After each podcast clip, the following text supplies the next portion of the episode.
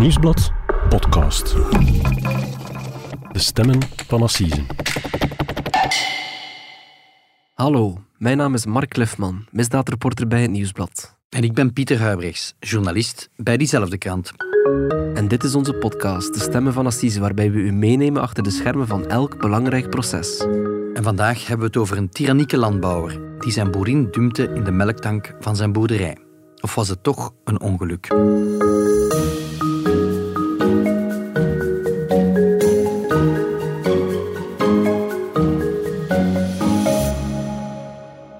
Pieter.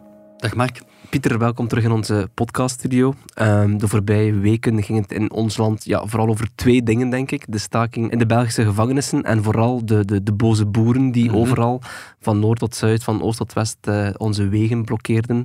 Die vooral boos zijn omdat ze ja, te hard moeten werken en te weinig geld overhouden op het einde van de maand. Mhm. Ja, klopt. Hè. Je kon je, je televisie niet opzetten. Of, of je zag een boer die terecht zijn frustraties uitte, hè, overal in het land. Eh, ik maak daarom ook een bruggetje maar, eh, naar het verhaal van deze week in de Stemmen van Assise. Ehm, ja, ook hier in de hoofdrol een gefrustreerde boer die de eindjes niet aan elkaar kan knopen. Eh, en iemand die willens nillens in een, ja, een zeer dramatisch verhaal terechtkomt. Het is een verhaal dat ons leidt naar het eh, bekende drielandenpunt. Op het uiterste puntje tussen België, Nederland en, en Duitsland. We gaan naar Gemmenig deze keer. Ja, dat is een eh, klein plaatsje. Dat is een deelgemeente van Plombière. Dat is in het uiterste noordoosten van de provincie Luik. Het is echt op een, een boogscheut eh, van Limburg. Het is in het land van Herve. Ik heb het opgezocht. En het is een plek waar ze nog plat Diets spreken, zowaar. Dat is een, een lokaal Limburgs dialect. En het, daar woont een man van 69. Hij heet eh, Jacques Roemers. Een man met de Limburgse roots. Die vanaf maandag dus terecht staat op een assisenproces. Ja, het is een Limburger die afkomstig is uit, Voeren. En ja, het gerecht vermoedt dat hij achter de moord zit op Gislijn Tissen. Eh, dat is zijn vrouw, dat was de boerin op het erf. Eh, maar ja, blijkbaar zat er ook een eh, fameus haar in de boter. Oké, Pieter. eh, op 12 februari eh, start in Luik het assiseproces tegen deze man. Maar om het hele verhaal te begrijpen, eh, moeten we eigenlijk terug naar een herfstdag in 2020. Dat is, dat is vier jaar geleden.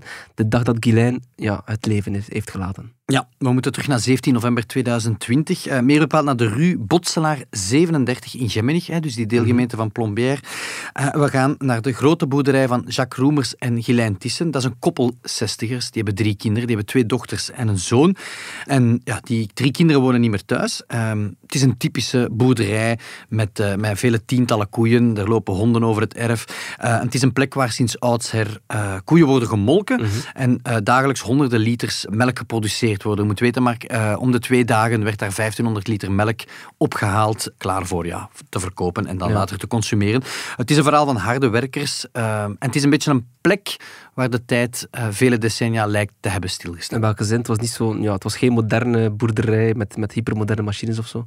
Nee, in tegendeel. Het is zo'n een, ja, een, een typische boerderij, precies uit de jaren stilletjes, hè, uit, uit van die oude films op tv. Ja. Het is, ja, het is zo'n een plekmark met een, met een boer in een eh, in blauwe overal. Zo iemand met nog, ja, zonder gsm, iemand die nog belt, eh, met zo'n oude telefoon, met zo'n hele lange draad Ja. aan, met zo'n nummers die je, die moet draaien. ja. Ehm, met, met, een, met een boer die, die elke ochtend vroeg opstaat en die dan ja, in het donker zijn koeien gaat, eh, gaat zoeken, ergens eh, ten velde, en die dan naar de stallen leidt. En de boerin die het 's middags nog, nog, nog ja, de boterhammetjes Met smeert. soep. Ja, met soep voor de pauze. Eh, en waar ja, nog op een oude manier ja, melk wordt geproduceerd. En dus alles gebeurt nog handmatig op de boerderij. Ja, ze waren wel een beetje mee geëvolueerd, maar ja, toch eerder niet dan wel. Ehm, ja, en dat, je moet weten, maar dat, dat melk, die melkproductie dat was de, de voornaamste bron van inkomsten daar. Dat was een haast permanente bezigheid. Zoals ik zei, elke twee dagen kwam er een, een chauffeur van Arla. Dat is het bedrijf dat de logistiek eh, regelde en de melk verdeelt richting winkels en supermarkten. Die kwam langs om die melktank ja, te ledigen mee en om die 1500 liter melk eh, in beslag te nemen. En wat is er dan exact gebeurd op die, ja, die bewuste 17 november? Wel ja, er is een buurvrouw die boerin Gislijn eh, ziet wandelen die ochtend met haar hondje. Dat was iets dat ze wel eh, ja, elke ochtend deed. Ze had een, een vast tramien. en Dus na het opstaan eh, ging boer Jacques na het ontbijt koeien. naar de koeien. Die was voor uren weg. En zijn vrouw, de boerin dus, die ging wandelen met, met een van de vele honden. Buurvrouw heeft haar nog gezien. Alles leek normaal. Smiddags, weten we, hebben ze nog samen geluncht. Zoals ze altijd deden. Ja. Ze hebben samen die boterhammen eh, opgegeten. Ja, later zou blijken, Mark, dat er toen al fameuze strubbelingen waren. Uh, ja, aan het licht zou dan komen dat er in de weken voordien amper tot geen communicatie was. De tweede ruzie en... De sfeer was onderkoeld. De sfeer was onder nul. En dan na het middageten, Mark, Bourjac die deed dan altijd een, een korte siesta. Dan is Boerin Gislijn naar de melktank uh, vertrokken. Dat, die melktank is gesitueerd achteraan de hoeve. En ja, er was een probleem opgedoken, er was een probleem met het afvoersysteem en ze moest die uh, melktank gaan reinigen. Dus er was een probleem in die melktank?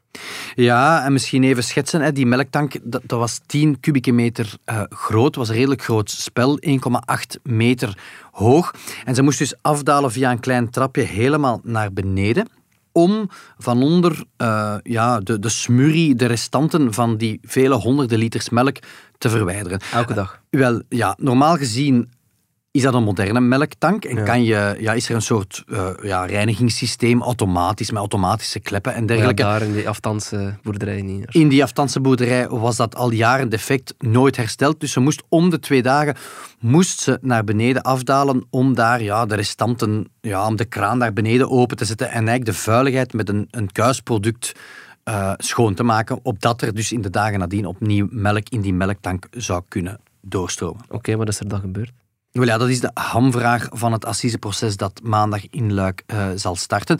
Ja, is, is de boerin gevallen en nadien verdronken in de melk? Kon ze niet zwemmen, zoals wordt geopperd? Er zat nog heel veel melk in die tank, dus dat is theoretisch mogelijk.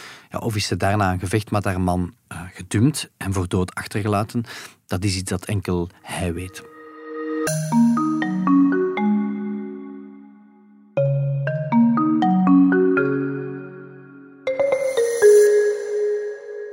Okay, Pieter hier duidelijk met een, met een zeer verdachte situatie. Hè. Thyssen, een vrouw van 63 die, ja, die dood op de bodem uh, van een melktank ligt. Uh, ja, hoe is dat precies allemaal aan het licht gekomen voor de politie dan? Wel, het is in eerste instantie Bourjac zelf die haar vindt en alarm slaat. Ja, er is ook niemand anders uh, op de boerderij, dus uh, hij is degene die haar vindt. Nu, hij beweert dat hij op dat ogenblik, dus net voor haar dood, 50 meter verder balen mais aan het verplaatsen is, dat hij geen enkel geluid hoort in die melktank. En na een bepaalde tijd gaat zoeken, nou, waar is mijn vrouw naartoe? Ik hoor haar niet. Hij treft haar naar eigen zeggen dood aan op de bodem. Hij is natuurlijk in paniek. Ja. En hij ja, loopt over het erf uh, naar binnen, naar zijn bureel, om te gaan bellen. Ja, hij schetste daarnet al wat voor soort telefoon zij hebben. Dus ik veronderstel dat ze niet met de gsm even de, de, de hulpdiensten bellen. Nee, en dat is ja, echt wel de oldschool manier. Hè. Hij, hij, hij, loopt naar binnen en ja, een typische scène. Hij, hij doet de kasten open, hij zoekt naar een telefoonboekje, hij schrijft enkele nummers over op een papiertje en dan begint hij via zijn oude telefoon die nummers te draaien. Dat is uh, zeer opvallend en vooral opvallend, hij belt niet in eerste instantie naar de hulpdiensten. Oké, okay, en naar wie dan wel? Wel, hij draait meerdere nummers van collega-landbouwers, van, van verre familieleden, dichte familieleden. En uh, de eerste die hij aan de lijn krijgt is een lokale uh, agent, en zeker Katrien, die hij via via kent, omdat hij natuurlijk al heel zijn leven daar in het dorp woont. En die krijgt hij wel aan de lijn. Ja, en wat gebeurt er dan? Wel, hij neemt zijn auto en hij rijdt tot bij haar om ja, je zou denken meteen te melden dat zijn ja. vrouw dood in een melktank voilà, ligt. Maar dat gebeurt niet. Hij, zegt in eerste instantie dat het daar is om een financiële uh, transactie te doen. Hij moet zijn zoon uh, nog 15.000 euro en hij, komt dat bespreken met die vrouw die dan weer gelinkt is aan die zoon. Heel vreemd verhaal. En pas na enige tijd vertelt hij van ja, en mijn vrouw Gislijn ligt in de melktank en ja, we moeten de hulpdiensten bellen, maar ik denk dat ze dood is. Dat is wel heel raar dat hij dat pas zo laat vertelt. Ja, hij zal zelf verklaren van ja, dat was een soort shocktoestand, maar er gebeuren wel meerdere rare dingen op dat ogenblik. Want die, die lokale agenten zal, zal vertellen van ja, hij zat hier aan onze keukentafel, dat kwam dan allemaal aan het licht. Ja. Hij huilde, maar hij viel ook in slaap op de keukentafel, waarna hij weer wakker schoot, opnieuw begon te huilen, terug in slaap viel ja, was dat paniek, was dat stress, was dat emotie? Allemaal onduidelijk. Allee, feit is dat zij natuurlijk meteen de hulpdiensten heeft ja. gebeld. Dat zij massaal naar de hoeve zijn getrokken. Ja, maar ja, die konden niks meer doen dan, veronderstel ik. Nee, ze konden niets meer doen, dus ze kwamen massaal toe. Ze zijn dan meteen naar die melktank gelopen en ze hebben het levenloze lichaam van de boerin uh, aangetroffen ja, was ze verdronken? Was er meer aan de hand? Het feit is dat de agenten die, die aanwezig waren meteen vaststelden dat er uh, ja, bloedsporen op de trapleuning naar beneden waren, maar ook op de schoenen van Bourjac. Het is wel heel opvallend, hè, die bloedsporen ook. Ehm, nu, wat, wat zegt het buikgevoel van de agenten die daar dan arriveren? Hebben zij het gevoel van, ja, we staan hier op een crime scene? Of hebben zij toch het gevoel van, ja, het is hier misschien mogelijk een ongeval? Ja, ik heb me laten vertellen, Mark, dat er vooral twijfel was. Hè. Die eerste avond uh, na die ontdekking. Want ja, waarom zou een boer zijn eigen vrouw dumpen in een melktank? Dat is een heel lugubere uh, setting. Ja, het lijkt een onwaarschijnlijk scenario natuurlijk ja, de evidente dingen gebeuren. Dan heel die, die boerderij wordt verzegeld. Heel het onderzoek begint. Ja, ja de, de boer wordt meegenomen voor verhoor. Ja, en wordt urenlang verhoord. Nu, hij houdt vol van dag één dat hij zegt van ja, kijk, dit is een tragisch ongeval waar ik niets mee te maken heb. Nu, ik veronderstel dat hij dan ook wordt voorgeleid bij de onderzoeksrechter. Is daar nog iets veranderd dan? Ja, het is de onderzoeksrechter die beslist van eh, aanhouden of niet. En ja, op 19 november 2020, we zijn dan twee dagen uh, na de vondst van het lichaam van de boerin, ja, blijkt dat boer Jacques aangehouden wordt. Uh, we citeren hier de procureur uh, van Luik, Gilles de Villers-Grandchamp, die zegt van ja, de echtgenoot van het 63-jarige slachtoffer ontkent de dader van de feiten te zijn, maar het is de onderzoeksrechter die geoordeeld heeft dat er voldoende aanwijzingen zijn van opzettelijke doding. Moord dus. You.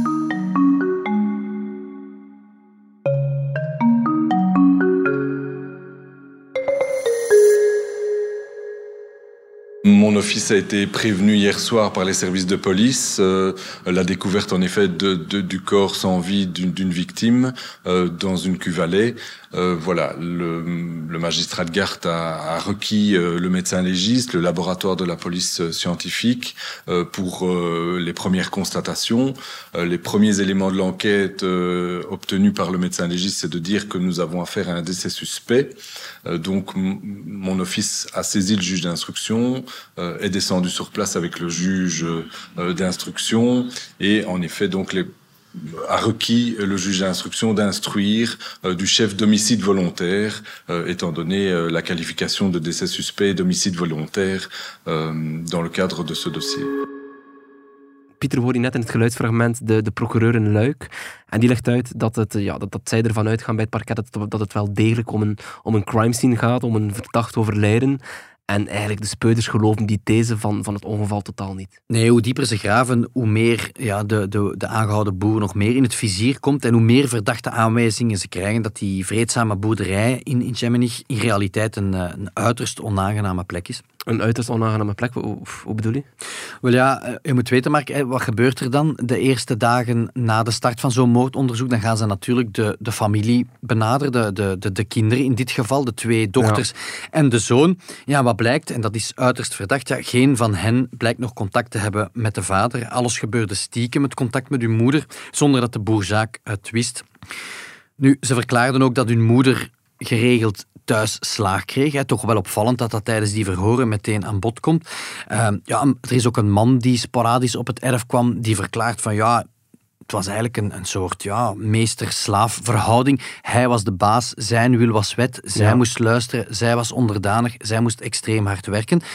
Ze sliepen nog in dezelfde kamer, uh, zou het die verhoren blijken maar basically sliepen ze in twee aparte bedden en was er van een seksuele relatie al jaren geen sprake meer. Het was een, een ja, meester-slaaf situatie en zij geraakten daar niet meer weg. Dus voor de speuders komt dan het beeld naar voren van ja, we hebben hier te maken met een zeer autoritaire man. Een man wiens ja, wil wet was. Ja, hij was de baas en zij moest vooral heel hard werken. Van ochtends vroeg van vijf uur tot tien uur s'avonds. En als ze niet wilde werken, dan moest ze voelen. Zo redeneerde hij en zo verklaarde hij dat ook tegenover collega boeren. Uh, hij gaf ook tijdens zijn verhoor opvallend toe. Ja, ik heb haar wel een paar keer uh, ja, fysiek toegetakeld. Drie à vier keer, zegt hij daarover. Maar je voelt aan alles dat dat in de realiteit wel meer was.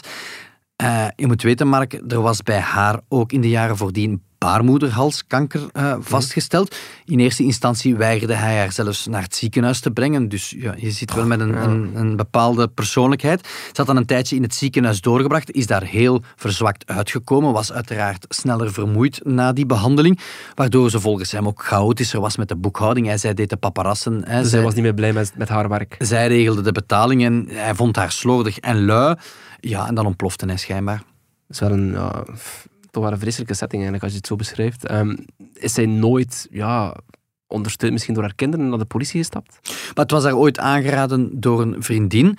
Nu, ook haar kinderen, met wie ze dus stiekem communiceerden, gaven dat wel aan, maar je voelt dat daar zo'n een breuklijn uh, is gekomen met die kinderen, dat die kinderen, als ze 18 waren, zo snel mogelijk dat erf wilden van de vader. Ja. Wilden verlaten om aan die tirannie te ontsnappen en hun eigen weg kozen, ook de boerderij niet wilden overnemen. Dat zorgde voor heel veel spanningen. Ja, en de moeder ja, probeerde dan wel dat contact met haar kinderen te behouden, maar dat ging heel stroef. De, de, andere kinderen hadden in jaren hun vader niet gezien. Uh, er was nog iets raar, het blijkt tijdens het onderzoek. Wie naar die boerderij belde, die had één kans. De telefoon rinkelde één keer en als de boer of de boerin, en meestal dus de boer, de mhm. telefoon niet van de horen nam, dan, ja, dan, dan was het te laat en dan sprong de fax op. Dus niemand belde de facto naar die boerderij. Er was geen, communicatie met de buitenwereld. En ja, zij is dan in de jaren voordien lid geworden van de Getuigen van Jehovah. Zij zocht daar haar toevlucht toe, een soort ja, nieuwe dynamiek in haar leven om toch iets wat contact te hebben. Maar ook dat is haar niet in dank afgenomen en hij nam haar dat heel hard uh, kwalijk. Nu, ik veronderstel dat de politie, los van de, de, kinderen, dat ze ook wel nog andere mensen uit het dorp daar in, in Gemmenig uh, gaan ondervragen. Is er dan niemand die iets, ja, iets positiefs over die man kan, kan vertellen? Nee, het wordt alleen maar erger. En Mark, zoveel mensen wonen er niet in dat dorp. Dus iedereen met naam en faam van de eerste schepen tot de bakker en, en de buren, die zijn natuurlijk verhoord. Ja, en ze hebben werkelijk niemand gevonden die echt heel positief over de aangehouden boer vertelde. Hè. Het beeld dat naar voren komt uit dat moraliteitsonderzoek is dat van een halve tiran, van een stugge man, iemand die ja, radeloos en verpieterd door het leven stapte. Uh, iemand die volgens de huisdokter daar in het dorp ook depressief was. Hij slikte antidepressiva. waarom was hij depressief? Ja, om allerlei uh, redenen. Hè. Hij, ja, hij wilde scheiden van zijn vrouw. Hij vond dat zijn vrouw dus niet hard genoeg werkte op, op het erf, dat er te weinig geld binnenkwam. Dat speelde mee. Um, hij had dat aangegeven tegenover een vriend. Hij was, hij was, ja, het was gewoon een bijzonder choleriek iemand ook naar zijn eigen familie toe, want hij heeft broers en zussen.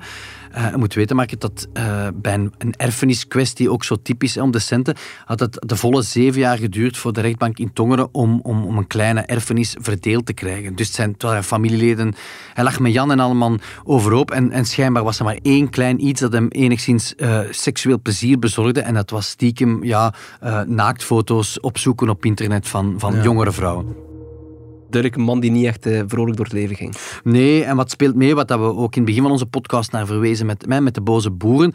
Ja. ook hij op het einde van de maand moeten zijn rekeningen kloppen natuurlijk. En ze klopten niet. Het was moeilijk financieel. ja, het is natuurlijk een harde stiel. Hè. Je zat met de stijgende melkprijs. Het was het harde labeur. Het, het leven as, as such was hij kots, kotsbeu daar kwam nog eens bij dat er schijnbaar in het dorp in de streek ook een, een everzwijnenplaag uh, was. ja, Dus die, die everzwijnen vernielden van alles op zijn erf. Daar had hij ook frustraties over. Daarover belde hij meermaals naar de politie. Uh, wat blijkt tijdens onderzoek, de voorbije 17 jaar, Mark, had hij liefst 23 keer eigenhandig naar de politie gebeld, omdat hij boos was op de buurman, de collega boer die te luid met zijn tractor uh, voorbij reed uh, omdat hij boos was omdat iemand per ongeluk een stuk van de haag had gesnoeid. Uh, het was Voor iemand, de kleinste akkefietjes. Het was iemand die ruzie had met de schepen, met de buren, met passanten, met zijn kinderen, met iedereen. Echt wel een moeilijke mens eigenlijk. Een hele moeilijke mens, ja. Een mens met schulden uh, ook. En iemand die zijn vrouw grondig beu was.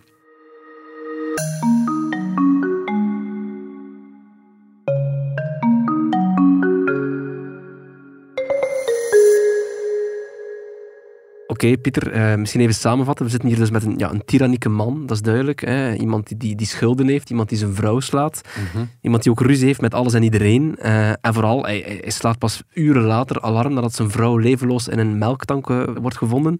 Nu, een ervaren speuder moet, ja, denk ik, geen schrik hebben van een, ja, een zekere tunnelvisie, denk ik dan. Nee, hij heeft op zijn minst, kan je zeggen, de schijn tegen. Het lijkt zonneklaar, maar we moeten ook vaststellen, we zijn intussen 3,5 jaar na de dood van, van Boerin Gislijn.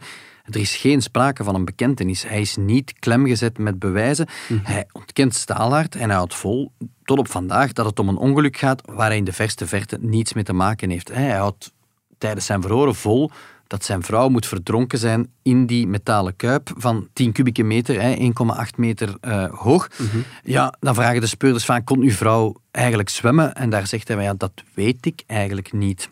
En in heel het onderzoek zijn er dan ja, geen echte harde bewijzen gevonden.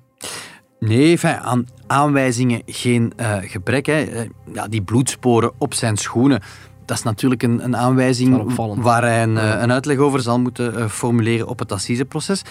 Nu, dat lichaam is door wetsdokter en allerlei specialisten onderzocht. En de conclusie daar is van ja, ze moet al gewond geweest zijn vooraleer ze op de bodem van de melktank is terechtgekomen. Op verschillende plekken op haar lichaam zie je dat er sprake was van eh, ja, wonden.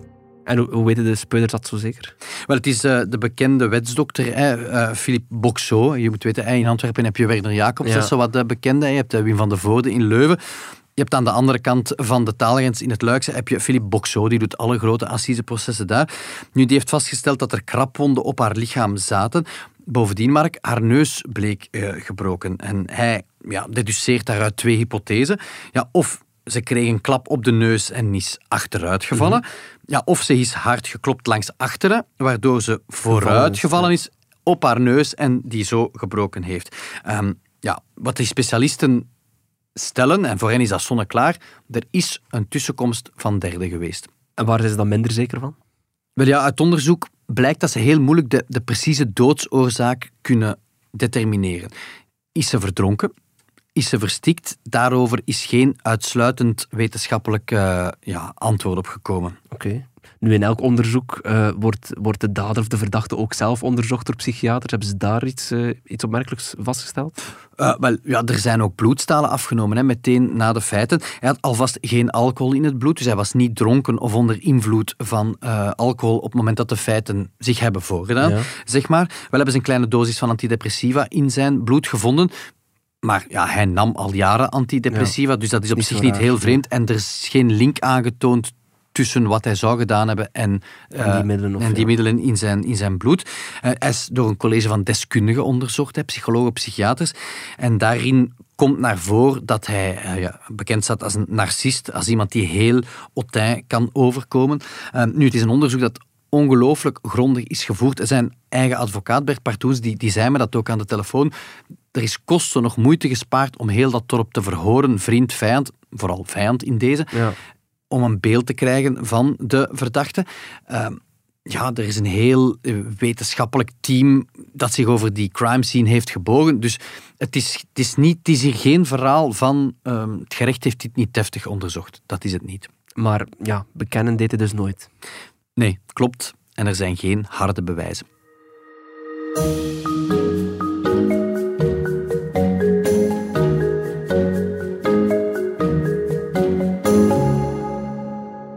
Oké, Pieter. ehm, komende maandag start het assiseproces rond eh Boer Jacques. hè. Hij is, hij is 69 jaar. Ondertussen, wat ik me wel afvraag, zit hij ja, eigenlijk nog steeds in de gevangenis. Hè. De feiten dateren van 2020. Wel, hij heeft 2,5 jaar in voorrechtenis gezeten. De raadkamers en de KI's hebben altijd zijn aanhouding in Luik verlengd. Eh, maar sinds maart 2023 is hij ja, naar een andere vorm van detentie kunnen overstappen. Hij heeft een enkelband en hij zit thuis te wachten op zijn proces, dat dus maandag in Luik start. In Luik, wat wel raar is, want het is een Limburger. Ja, dat is het vreemde aan heel dit verhaal. Zoals ik zei, maar het is een Limburger, die boer Jacques. Die is afkomstig oorspronkelijk uit Remersdaal. Dat is bij Voeren. Hij praat Nederlands, hij kan geen woord Frans. En toch staat hij terecht in een ja, Franstalig assisehof. Dat is uiterst vreemd. Ik heb dat aan zijn advocaat gevraagd en die zei me van ja, dat was eigenlijk nooit de bedoeling. Ja, ik ben pas laat als Nederlandstalige advocaat in de zaak In de zaak gekomen. nadat de zaak al was doorverwezen naar het Hof van Assise. En dan heb je een bepaalde tijdspanne waarin je dat die, die wijziging van, van taalrol kan vragen. Hè. Dat je zegt Ja. van ik wil bijvoorbeeld in Hasselt of in Tongeren voor het Assisehof verschijnen. Maar dat was te laat. En dus zitten we met een situatie dat er een Limburgse boer vanaf maandag voor een Franstalige jury moet verschijnen. Oké, en wie zijn de advocaten precies die hem daar zullen verdedigen? Wel, hij heeft een, een paar advocaten. De Limburger Bert Partoens is, is de voornaamste. Bekende naam, hè? Bekende. Die heeft intussen een dertigtal assisezaken op de teller. Dus dat is wel een, ja, iemand met heel veel ervaring. Een van de, ja, de bekendste Limburgse strafpleiters. Maar die is dus pas heel eh, laat in de zaak Mhm. verschenen. Ja, Partoens die zat in de zaak Aquino bijvoorbeeld. Die eh, zit ook in de zaak van de drievoudige moord in Kesselo. Ongetwijfeld ooit ook nog een eh, stemmen van Assise. Zat onlangs ook in het assiseproces van de, in de, van de martelmoord, Ja. inderdaad.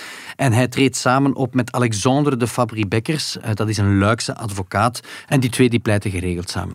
En de nabestaanden, dat zijn hier in dit geval vooral de, de kinderen dan, eh, van, van, van het koppel.